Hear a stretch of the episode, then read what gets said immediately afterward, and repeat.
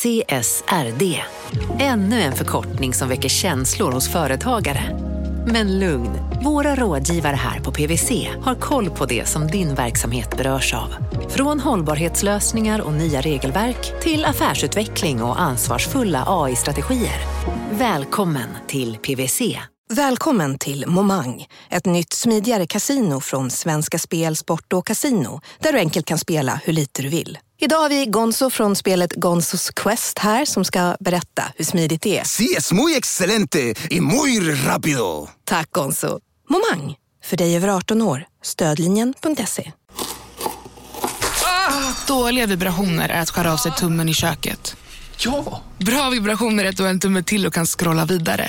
Alla abonnemang för 20 kronor i månaden i fyra månader. Vimla! Mobiloperatören med bra vibrationer.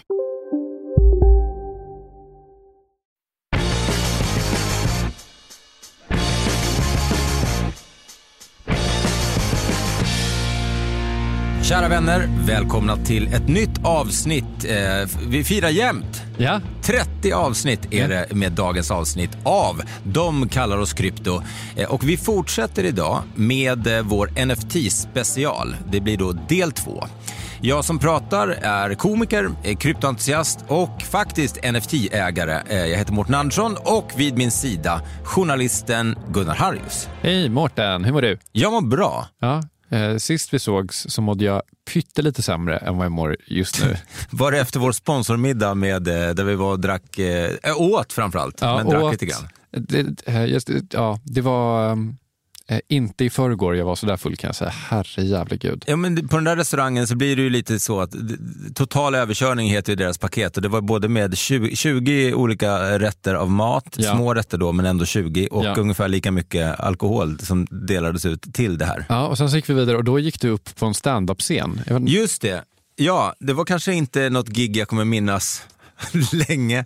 Men det finns en, en, en, standupklubb här på Södermalm som heter Big Ben där man kan gå upp och, om man är ny eller så kommer man upp om man är rutinerad eh, fast kanske lite full och inte har eh, sinnesnärvaro nog att tänka att jag borde inte gå upp. Men det var trevligt och, eh, och det, det där måste vi göra oftare. Eh, äta middag med våra sponsorer. Verkligen. Så vi har ju ett fullsmakat avsnitt framför oss. Två gäster den här gången också. Två gäster.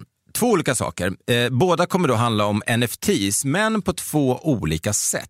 Eh, dels ska vi prata med killen bakom Arcade NFTs, ett av de absolut hetaste NFT-bolagen i världen just nu. Och så kommer vi prata med en eh, av de högst ansvariga för en av de häftigaste NFT-grejerna just nu, nämligen NFTs kopplade till fysiska saker. Ja, jag tror att det kommer bli eh, både intressant, bitvis filosofiskt, men också eh, bara upplysande i största allmänhet. Som Men- vanligt med andra ord. Som vanligt. Eh, Men först då, eh, det här.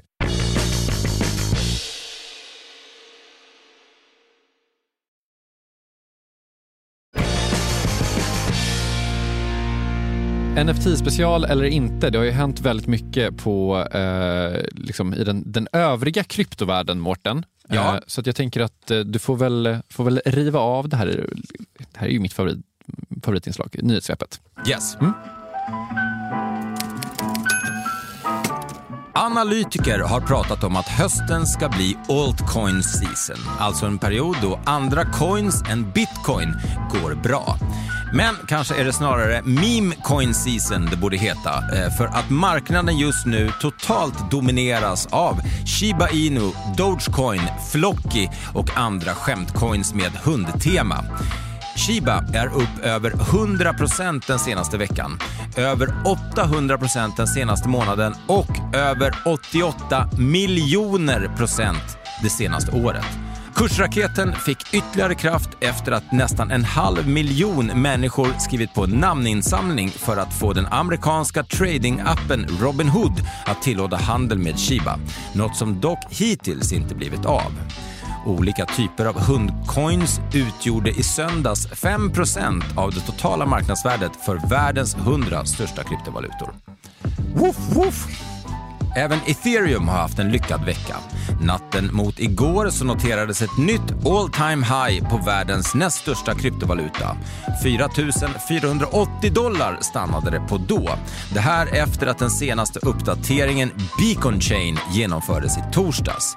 Uppdateringen ska ta ethereum ett steg närmare proof of stake och den så kallade ethereum 2.0.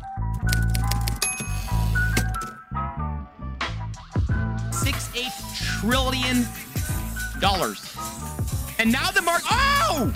Oh! It went to zero!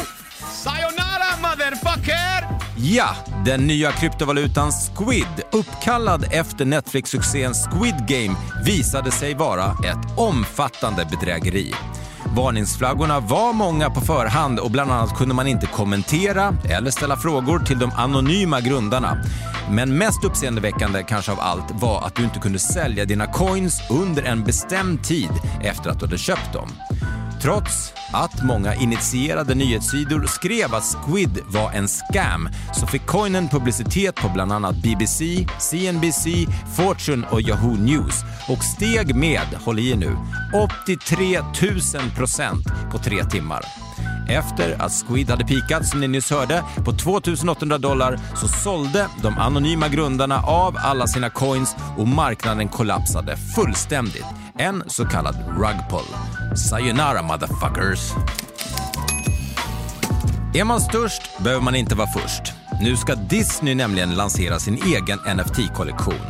Golden Moments ska samlingen heta och kommer innehålla digitala statyetter från Marvel, Pixar, Disney och Star Wars. Eh, har du några hundcoins? Bara innan. Eh, ja, jag har Doge.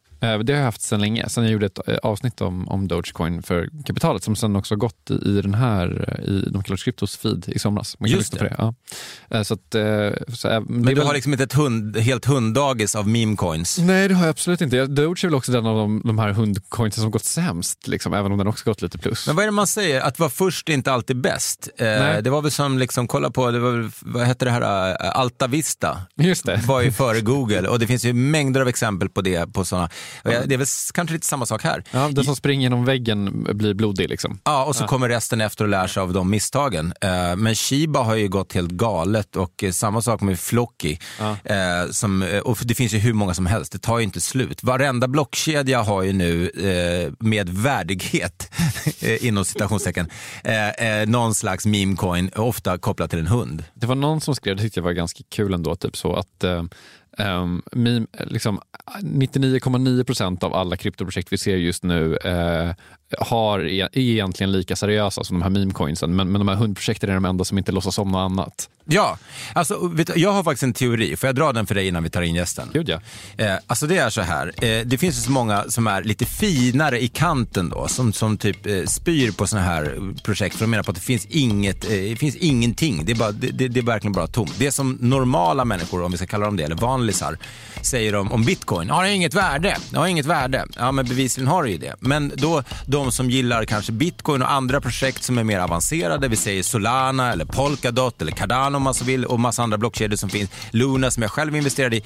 Jag börjar tänka så här, tänk om den stora massan, de kommer förmodligen inte investera i, i Terra Luna eller i Polkadot eller liksom i eh, AVAX och så vidare. Nej. Vad kommer de köpa? Jo, de kommer köpa billiga coins eh, och eh, sådana som de, de hör talas om och ser eh, reklam för på stan.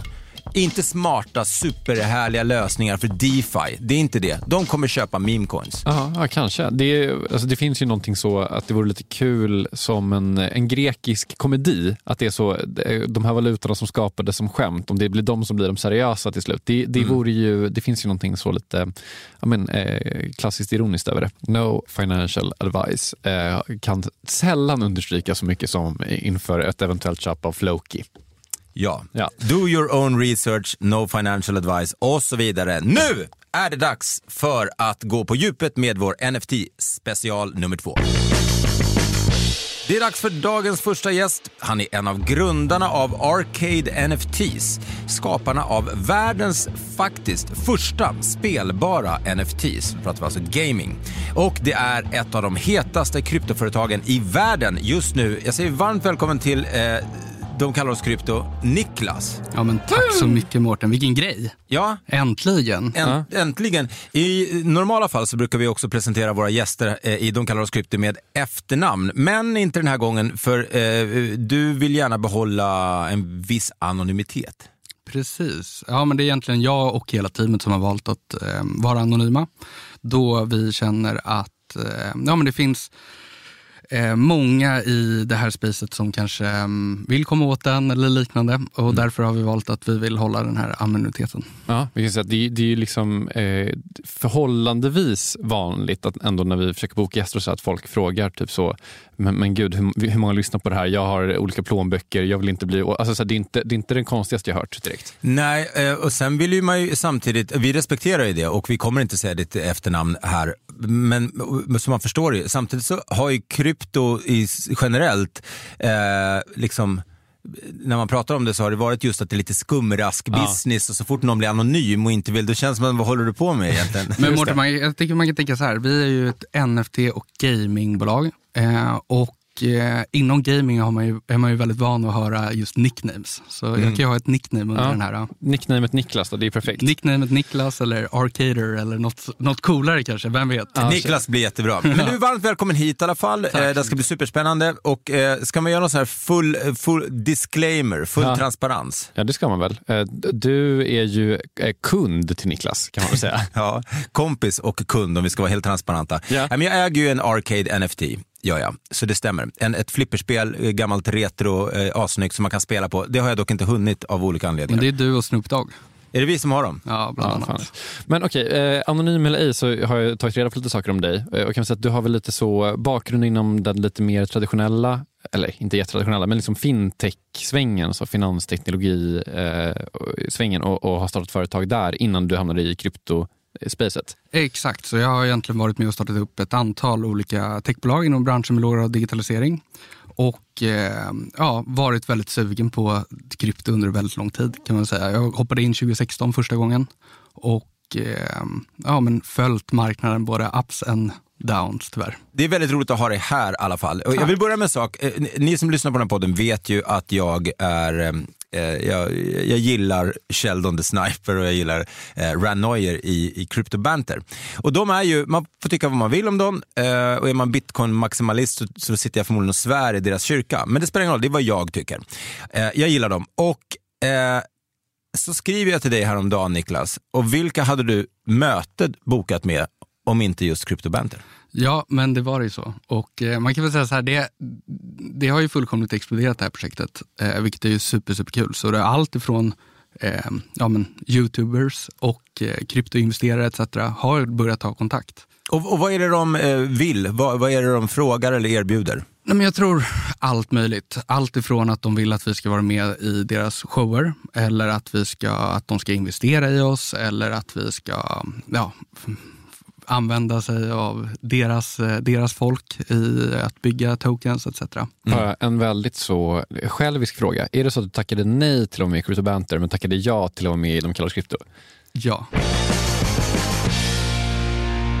Men vad är det skulle du säga? Om vi, vi, vi, vi pratar ju såklart framförallt, vi ska prata lite NFTs generellt också, för du är ju personligt investerad i grejer och, och så. Men Arcade NFTs, som ditt bolag då heter, v- vad är det som gör att det har blivit sån hype skulle du säga? Och vad gör ni för någonting? Ja, men bra, vi börjar från början. Eh, nej, men en av eh, mina vänner och nu partner har varit väldigt, eh, liksom, en veteran inom kryptobranschen. Både inom NFT och inom DeFi etc. Han och jag och några till, vi började prata om att vi vill verkligen in i spacet på ett eller annat sätt. Och började titta på ja, men NFT-branschen. Det är väldigt intressant. Vad är det som kommer hända? Eh, och då ja, slog vi, vi vill inte göra ännu nu ett JPEG-projekt. Alltså det finns ju tiotusentals olika vanliga JPEG-projekt där ute och började titta på mark- Alla är djur. alla är djur och det är mutationer av olika apor och Ja. CryptoPunks etc. Men vi ville göra någonting nytt och alla vi kommer från tech från början. Så vi började titta och hittade ett projekt faktiskt som hette Beyond NFT. Som var ett av de första projekten som pratade om interaktivitet inom eh, NFT. Så den snöbollen började rulla hos oss och eh, ja, men vi förstod då att det är möjligt att koppla kod till det här. Och alla i teamet egentligen växte upp på 90-talet och eh, växte upp med arkadspel, flipperspel. Jag vet inte om du är för gammal för det Mårten? Men... Nej, riktigt så gammal är jag inte, ungjävel. Ja, men, med Pac-Man etc. Eh, Det är så- väl snarare att vi... Eller att Vi jag är skapade ung. för fan Pac-Man ja, på min Det är väl snarare att jag är för ung för arkadspel. Du är för ung för arkad. Ja, men vi, vi i alla fall eh, höll, höll på mycket med sånt och Drakar och Demoner och sånt när vi var små etc. Och då slog det oss att det hade varit coolt att dels få uppleva det här igen, alltså en passion för att liksom uppleva sin barndom. Att då bygga världens första interaktiva NFT då med, som, är, som är också ett spel. Och då tyckte vi att det var lite kul eh, att ta tillbaka det här barndomsminnet med eh, arkadspelen och flippspelen som vi eh, spelade när vi var små.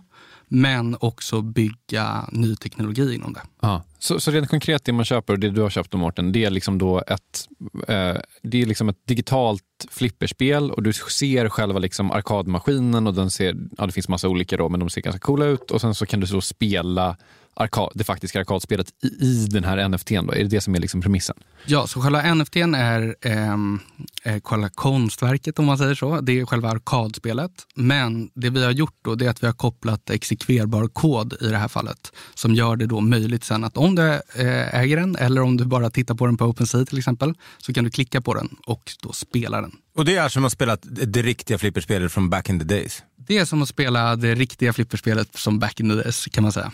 Men eh, okej, och för i förra avsnittet, då, del ett av den här NFT liksom, eh, deep diven, eh, så pratade vi lite om dynamiska NFT som är liksom NFT som kan förändras. Är, är det här en, en form av dynamisk NFT? Alltså jag skulle inte säga att vi är inte dynamiska idag, utan vi har gjort tre dropp, eh, tre stycken olika dropp på under två månader. Och, och dropp är släpp? Alltså, Släpp. ja, så ja. första var då pinballet, det som Mårten har bland annat. Sen så släppte vi något som vi kallar för Arcade Classic, som var en kollektion då på 5555, eh, som var då ett Pac-Man-liknande spel. Och sen det tredje spelet då som vi släppte eh, är, ett, eh, är faktiskt världens första eh, collab där vi då har tagit ett JPEG-projekt som då är Cryptotote som är ett jättestort, ett av de största liksom topp 10-projekten eh, och gjort deras NFT-er spelbara i ett så kallat Frogger-spel eller ett Toad Runner som vi kallar det. Men en sak som, som, som slår mig väldigt ofta i NFT-världen, det är ju hur enormt många eh, projekt som släpps. Och det var vi inne på i första specialen också. Eh, jag tror det var Anders som berättade om, alltså, om det var tusentals eller hundratals projekt b- om dagen på bara en enda kedja. Just det. Så vi pratar ju om säkert tiotusentals släpp om det ens räcker. Eh, ju.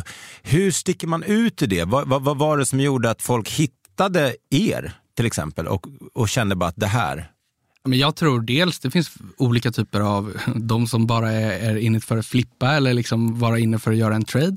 Eller så de, och de är inte de intressanta egentligen för oss utan de som vill vara med i vårt community, de kanske har passion för, känner också igen sig i sin barndom eller liknande och de tycker att det är intressant det här med det interaktiva, alltså att vi gör någonting som faktiskt är världsbrytande. Just det. Men för, för, för det där är en grej som jag tänkt på. Med att, eh, för, att, eh, du är inte den första liksom, personen som är inne i NFT-spacet som säger att så, ja, men de som är inne för ren spekulation är, är inte de som är intressanta utan de som är intressanta är de som liksom samlar och intresserar projektet och bla bla. Men är det inte så, om man ska vara jättekrass, att eh, det bästa för er rent, rent ekonomiskt om det är väl folk som är inne och, och vill flippa det? För att ni, det finns ju liksom eh, och, sälja vidare helt enkelt. För det finns ju vidare försäljningsklausuler i de här NFT ofta. Nej, men vi vill ju ha de som verkligen är dedikerade, de som bidrar i, in i vårt community och också faktiskt eh, ja, men spelar och utvecklar våra projekt tillsammans. Men jag tror att det var ett av de första avsnitten av eh, eh, den här podden eh, som jag nämnde Niklas. I, i, för att då hade han, hade han köpt, eller du, säger jag, titta på dig nu, eh, köpt ett par, var det Gucci-skor? Ja, precis. Ett par limited edition tidiga Gucci-skor. Jag minns att du, du blev helt chockad. Det var så, men vad då? Hur, varför då?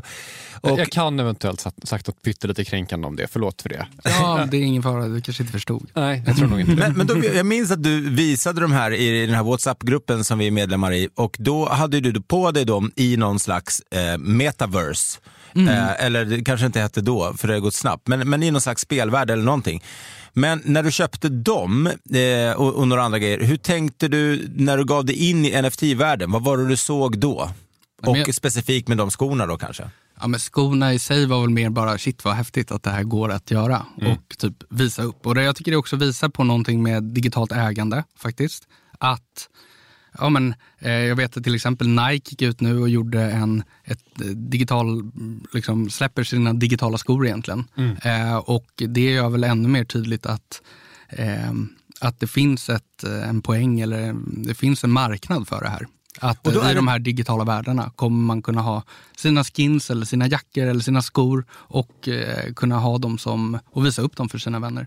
Och då kanske det inte behöver vara då om man inte är inne i gaming, utan man till exempel ska gå på dejt på en trendig restaurang där man inte äter maten, för det misstänker jag att det kommer inte gå att lösa i ens i, i metaverse. Men du kan ha på dig snygga kläder och, och på samma sätt reppa dig själv i den digitala världen som den fysiska. Ja, men Är jag det det så- vi ser? Ja, jag tror det definitivt. Och, och Eh, är och- det, här, det här är en del, det här är liksom ett form av metaverse-tänk eller vad är, För det här är ju det senaste veckan, eller senaste två veckorna, kanske absolut trendigaste ord. Metaverse. Ja, och, och jag såg det, du sa det här med att äta. Eh, bara en kommentar på det. Jag såg att Domino's gjorde att man kan gå och beställa pizza på, på Domino's i sin metaverse. Och sen så får man hem den. Så man kan faktiskt äta med sina vänner och beställa sin pizza. Okej, alltså herregud. Det, det, det är oändligt. Precis som kryptovärlden, man tyckte att den inte var oändlig nog, eh, så kommer NFT så bara att fullständigt explodera. Och metaverse. Men, men tänker du på riktigt att man kommer liksom befinna sig så mycket digitalt i framtiden att, att så här, man kommer ersätta att faktiskt gå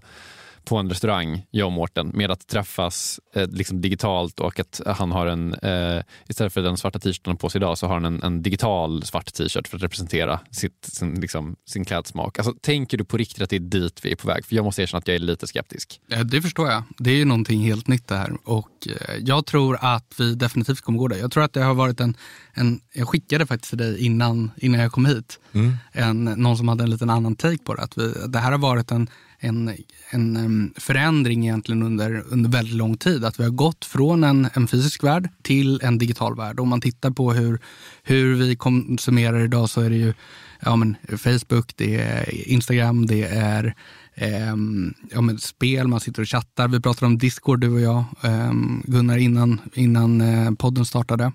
Eh, där man då umgås och att ta sen då det här till en ny värld där man då kan ja, men hänga mer, liksom, inte bara sitta och skriva till varandra utan faktiskt uppleva saker tror jag är fullt möjligt. Ibland så pratar man om det här som att det är eh, helt oundvikligt och som att det är så här, allting pekar mot dit hela tiden. Men jag menar så här, det finns ju liksom 6000 år av track record på att trivs ju ganska bra med att hänga i den fysiska Mm. världen också kan jag känna. Alltså att det liksom, man har ju otroligt svårt att se att det liksom helt ska ersättas och bli någon sån Ready Player One-verklighet där liksom alla bara rör sig i den digitala världen hela tiden lite grann. Men det får vi hoppas att det inte blir så. Nej men verkligen. Men en fråga kring det här med då, eh, sä, säg att det kan, kan gå några steg åt det hållet i alla fall, att man, man kanske umgås mer digitalt li- liksom i, i någon slags metaverse eh, och sådär.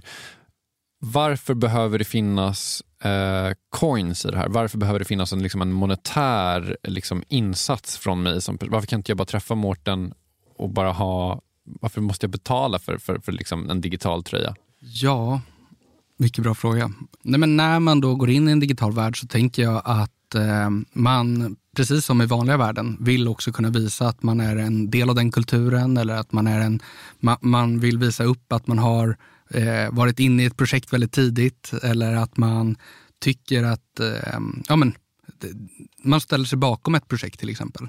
Och därför så köper man sig de, de attributen som man vill. Om det är ett eh, Mårtens svärd som är återkommande eller om det är ett arkadspel eller en CryptoPunk. Vi pratar framtiden då för Arcade NFTs. Så eh, liksom dels undrar vi lite grann hur ser konkurrensen ut och vad har ni för kommande projekt? Ja, men alltså bara för att backa bandet då, så har det ju varit två stycken hektiska månader. Vi släppte 14 augusti och har släppt tre stycken liksom, projekt eller spel under den korta perioden. Så n- just nu, eller i lördag, släppte vi vår turnering. Eh, så ett litet metaverse kan man väl säga, en, ett steg ditåt i alla fall för vår del. Där vi då öppnar upp egentligen em, en arcade-arena där man, om man äger då projektet, kan vara med och tävla mot varandra. Så just nu har vi en, eh, en total prispott på 26 ETH Så alltså plus 100 000 dollar till de vinnarna som, som är med och, och spelar. Och vi har haft Och få enormt... flest poäng då, liksom som en klassisk sån här flipperspels leaderboard. Exakt. Man får man- tre bokstäver vem som har eh, fått mest poäng. Ja, precis. Och det här är ju super, super häftigt. Alltså det, dels skapar det här väldigt mycket engagemang i projektet. Eh, De som är involverade kan vara med och bygga nya banor etc. Eh, Och eh, jag tror att den här arenan också, det, om vi pratar lite framtid, så har vi blivit kontaktade av jättemånga projekt som, som vill släppa sina spel eh, på vår turneringssida. Eh, Så allt från brands till att vi släpper nya spel etc. etc. Men om, om, man, om man lyfter blicken liksom ännu lite mer och tänker typ så här, vad, vad, vad tänker du att det här kan bli om jag tänkte, tänkte säga tio år, men det är omöjligt. Men tre år eller fyra, fem år? Liksom, så här. Ja, men nästa sak som jag kan berätta om då, det är väl att vi vill ta det här en nivå till. Alltså visa på att man kan göra multiplayer. Eh, och vilket är ju superhäftigt. Alltså att man kan, om vi tre sitter och spelar så kan vi antingen eh, racea i en bil eller vi kan göra någon fighting eller vad det nu än är. Eh, och då liksom mötas. Och det här kan man bygga vidare på väldigt många olika koncept. Dels till exempel att man kan vara med i vår turnering eller ett brand kan ha en turnering. Eller att eh, du och jag, Gunnar, vi väljer att battla mot varandra, så går det in i en duell. Och eh, där kan man antingen betta pengar, alltså be- betta ETH, eller att förloraren förlorar sin eh, NFT. Shit, det låter livsfarligt. eh, Sitta och betta. eh, Eller så åker ni på turné. Jag hade en lunch precis innan jag kom hit med en av världens duktigaste bokare vad det gäller comedy. Och eh, han berättade att han gör även annat. De har ju bokat eh, även musikakter och sånt. Men de hade just bokat två stycken youtubers eller gamers som har suttit på scen och de sålde ut Waterfront i Stockholm och det är 3 500 biljetter som sålde de ut på alltså nolltid. Och då satt de just och gameade mot varandra och det tror jag Ready Player 3 hette det då. Och då var det två killar som gameade mot varandra och den tredje var en i publiken som fick komma ner och spela. Så att, eh, Ja, men det är häftigt också. Vi ser det att eh, vi, det är folk som sitter och streamar sina, att de är ute och spelar. Eh, de håller på att visa vad de kommer upp för, för level. Eller liksom. och så det här blir en egen rarity att man har fått ett visst high score till exempel i, i allt det här, vilket är ju super, super spännande. Men vi ska också säga att längre fram i det här så kommer vi släppa någonting som vi kallar för en AGT eller en Arcade Gaming Token som då man kommer kunna eh, ja, som en egen eh, token eller en egen coin då som man kan eh, eh, använda i våran lilla värld. Ah, Coolt. En, en fråga som är mer generell också, men, men som är lite specifik ändå för er. Ni släppte till exempel då i ett av era släpp 5555. Eh, Jag fattar att man vill göra det lite limiterat så att det inte finns oändligt av dem, för då finns det ju inget värde i det. Men ibland upplever jag det det är så otroligt limiterat i alla NFT-släpp och man är med på, man får spamma sönder sina följare för att eventuellt komma med på en whitelist och kanske få minta. Alltså det känns, jag vet inte, jag gillar inte det alls med NFT-spacet och sen så är det så få som släpps då. Vad, vad har du för tankar kring det? Men jag, jag, alltså för, våran del så var det att, eh, att egentligen bygga ett eh, community. Första var ju väldigt limiterat med bara fem, 500 stycken. Andra var 5555 eh, och sista nu var 4777. Och vi har ju lite en annan agenda också att vi vill inte vara eh, liksom släppa bara one-on-ones utan vi vill, vi vill ju att folk ska spela och eh, hitta andra delar i, i det här gaming-communityt. Så därför är det viktigt för oss också att ha volym. Du, det har varit fantastiskt roligt att ha dig här, Niklas. Eh, vad, finns det något du vill tillägga som du känner att vi inte fick med eller som någonting? Nej, men jag tycker bara komma in och, och joina vårt community. Alltså det är så häftigt. Om du gillar NFT och tycker att det är intressant det här med digitalt eh, liksom ägande. Man kan väl säga så här, idag så är OpenSea den största plattformen för andrahandsmarknaden med ungefär 300 000 användare. På, eh, om några månader eller veckor så släpper Coinbase sin NFT-marknad och de har 68 miljoner användare. Och det är redan 2 miljoner eh, som har signat upp för deras liksom, NFT-sida. Så jag tror att vi är väldigt, väldigt tidigt i det här och jag tror att digitalt ägande är ingen, ingen frå, liksom, fråga om det kommer hända utan jag tror snarare att eh, att sociala medier har en plats i vårt liv idag så kommer vi om bara något år eller några månader kanske tycka att det är konstigt att inte det har funnits digitalt ägande tidigare. Stort, stort tack Niklas för att du kom hit. Tack så jättemycket. Tack, ciao!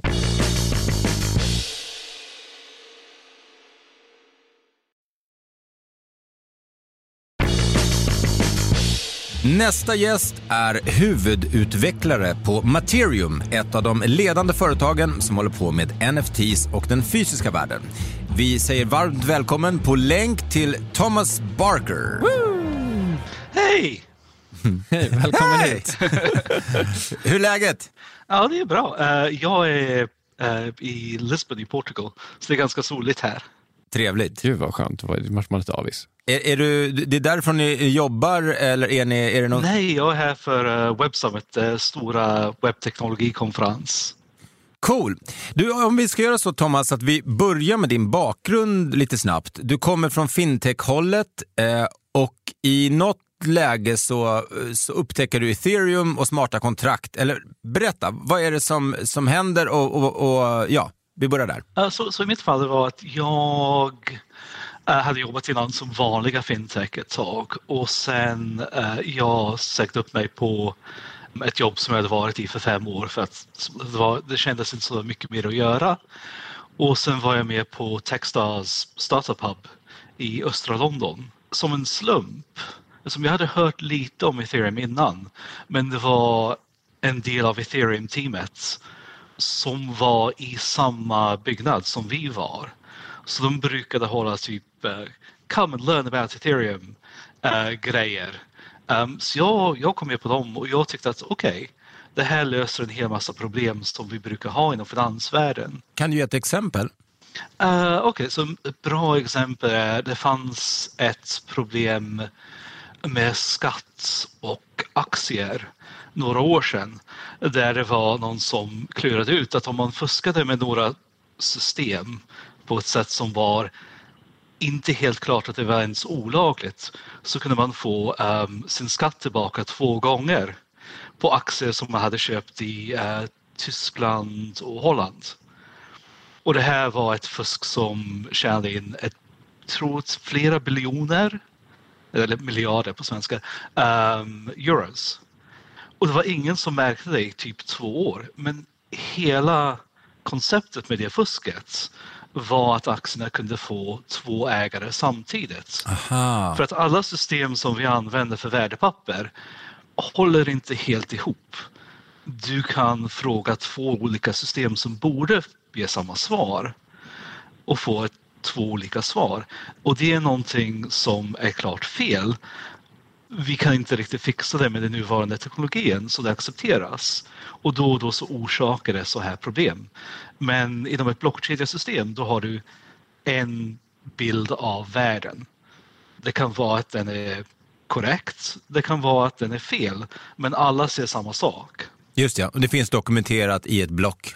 Ja, det är dokumenterat i ett block. Om det inte är blocket så har det inte hänt. Det är enkelt sådär. Och det är otroligt många problem inom finans som utsprungar ifrån att alla har olika system. Det finns ingen, alla har sin egen databas, sina egna system.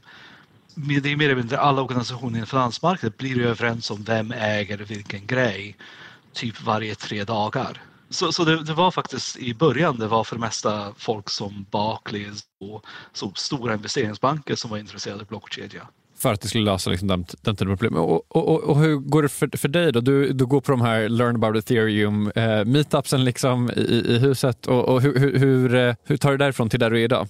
Uh, så efter det, det var uh, några företag på det här startup-programmet. Um, och det fanns ju ingen där som visste någonting om blockkedjan. Så jag sa okej, okay, jag är blockkedjeexperten.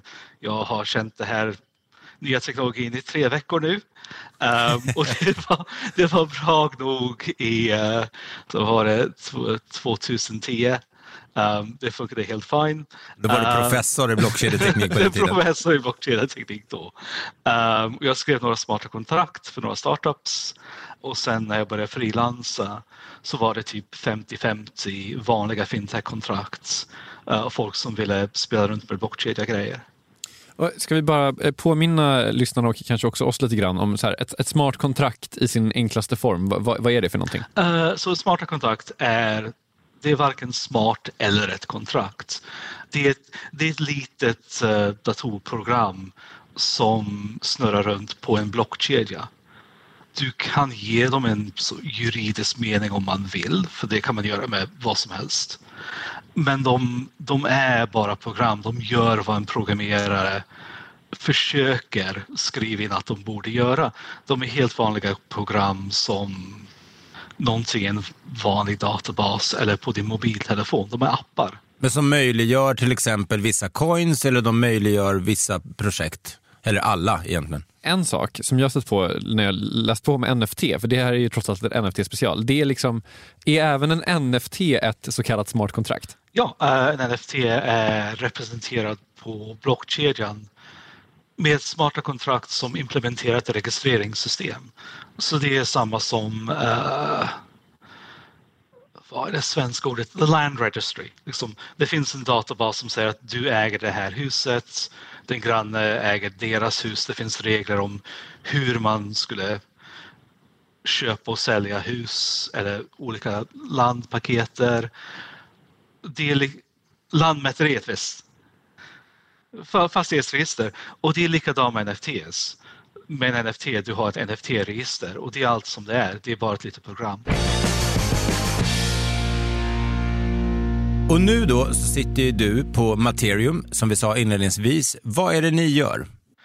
Uh, så, så på lång sikt, uh, tanken med Materium är att allt i världen, alla fysiska objekt, din telefon, diskmaskin, allting borde ha sin egen NFT. Så att vi vet var alla objekt i världen har kommit ifrån, vilken fabrik fabrikerade, vem som har ägt det, vad sorts skick det är, vad sorts värde det skulle ha om man skulle sälja det. Så att vi kan ha en så kallad circular economy där man inte slänger bort saker i onödan för att det är dåligt för miljön. Det är det på, på, på lång sikt. Uh, på kort sikt uh, så säljer vi William Shatner memorabilia um, på blockkedjan. Uh, så istället för att köpa en Bored Ape um, eller typ en Crypto Lobster uh, så kan du äga en uh, gammal benagnad cigarr som William Shatner hade för, som en stage prop på någon gammal tv-series. Så okay, men, men den här, liksom, jag tänker att eh, den här William Shatner-grejen kanske mer är så ett, ett case liksom, som ni kan visa ja. upp antar jag? Ja. ja, det, det är det som vi börjar med. Um, vi har också har en, en uh, så ska jag säga, klient uh, som är en guldmärkare i Hongkong. Uh, så vi har också skapat NFT för, um, för guld. Men om vi pratar om det långsiktiga som Materium gör igen då, där egentligen allting som är fysiskt ska kunna vara NFTs. Om man bara tar, eh, jag tar mig själv som ett exempel. jag äger ett hus då, och sen har jag ett ställe i Spanien och sen har jag massa kläder och, och skor och mina barns saker och leksaker. Alltså kategorisera och, och, och vad heter det, sätta dem i NFTs, bara det jobbet är ju liksom en livstidsprojekt. Plus, vad, vad, vad är poängen för mig som är eh, så pass ny på NFTs eh, och inte riktigt hänger med? Varför skulle man vilja göra det? Ja, men du har helt rätt. Som I början, det är ju ingen som kommer att ta upp var och enda sak i deras hem och göra om det till ett e- NFT. Det tar alldeles för mycket tid.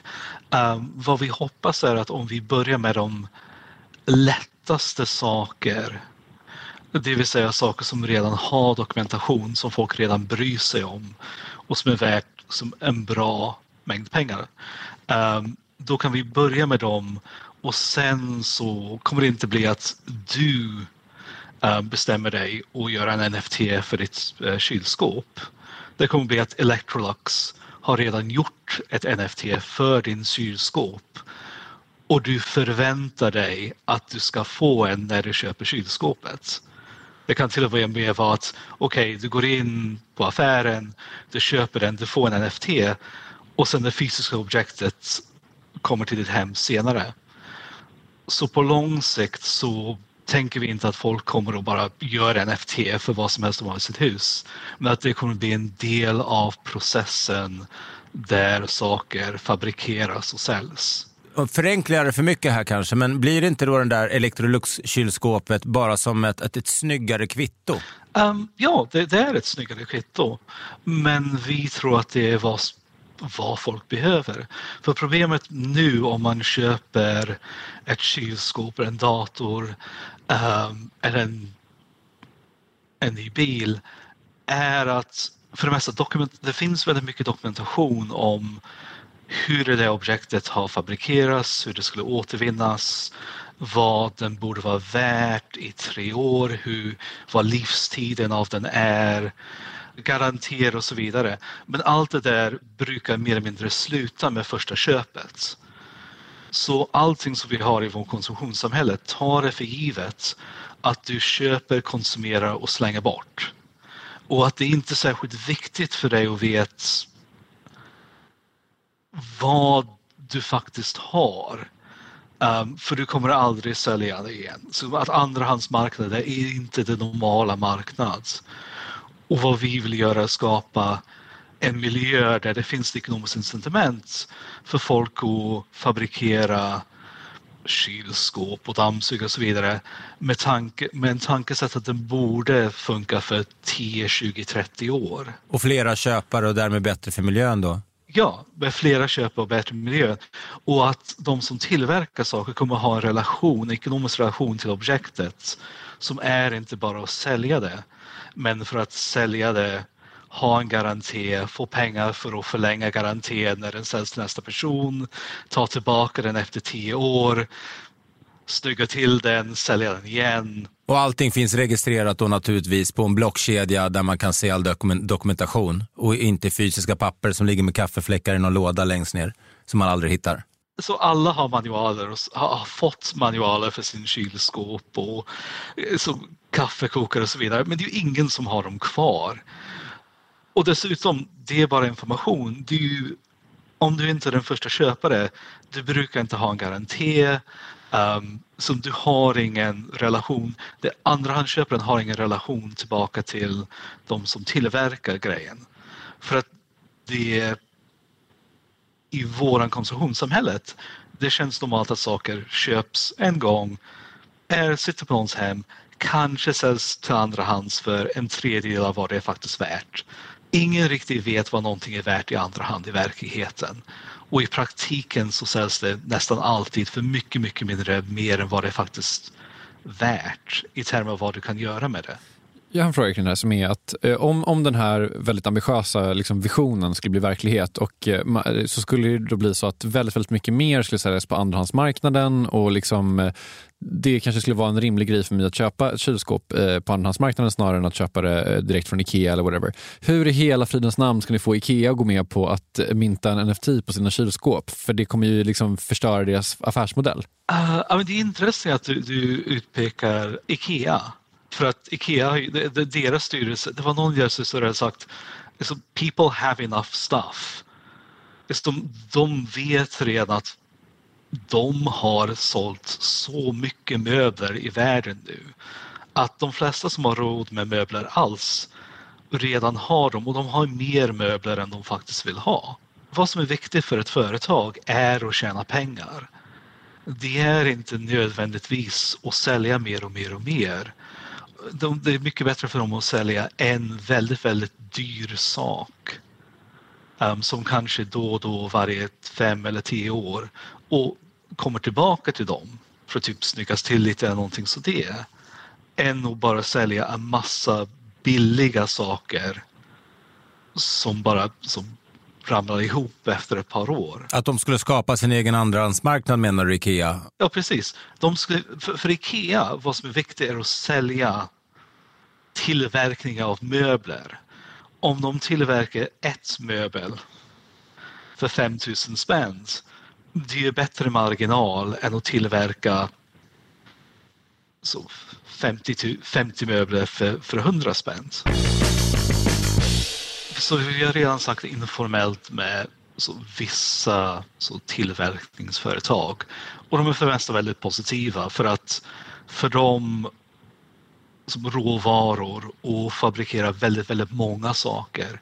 Det är en kostnad. De vill bara få pengar. det här förändringar har redan börjat hända. Thomas Barker, det har varit supertrevligt att få prata med dig och lära oss mer om just fysiska NFTs. Eh, vi får säkert anledning att återkomma till dig längre fram i podcasten, men tack så hemskt mycket för att du eh, gästade. Tack så jättemycket. Ja, det var kul att vara här. Tusen tack okay. och ha det så härligt i Portugal.